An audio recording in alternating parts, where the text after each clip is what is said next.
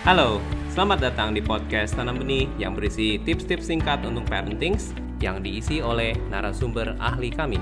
Ingatlah untuk follow dan enjoy.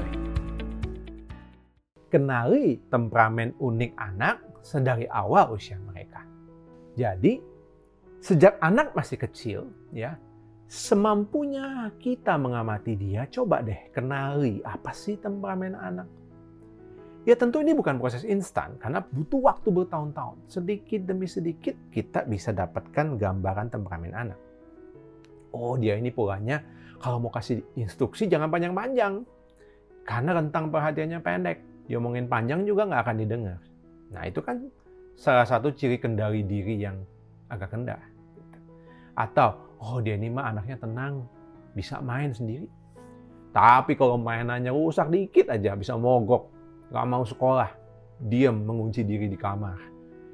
Nah, itu cenderung anak yang apa? Antusiasmenya barangkali tidak tinggi, tapi mudah marah. Ya, reaksi negatifnya untuk marah itu tinggi. Misalnya seperti itu. Kenapa kita perlu mengenal temperamen anak semampu kita?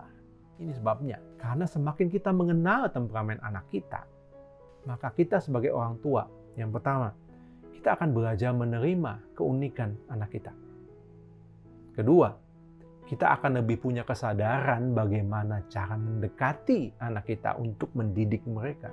Karena semua teknik parenting yang diajarkan dari berbagai sumber gitu ya, soal bagaimana mendisiplinkan anak itu semua bisa jadi benar dan baik. Tapi kita akan lebih mampu untuk menerapkannya pada anak apabila dibarengi dengan kita menerima dan memahami temperamen unik anak kita.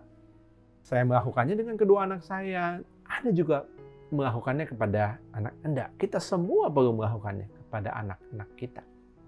Oke? Okay? Anda baru saja memperluas pengetahuan parenting Anda. Follow podcast Tanah Benih di Spotify untuk terus mendapatkan update pengetahuan parenting. Mari bersama-sama menjadi orang tua yang lebih baik untuk generasi bangsa yang lebih baik.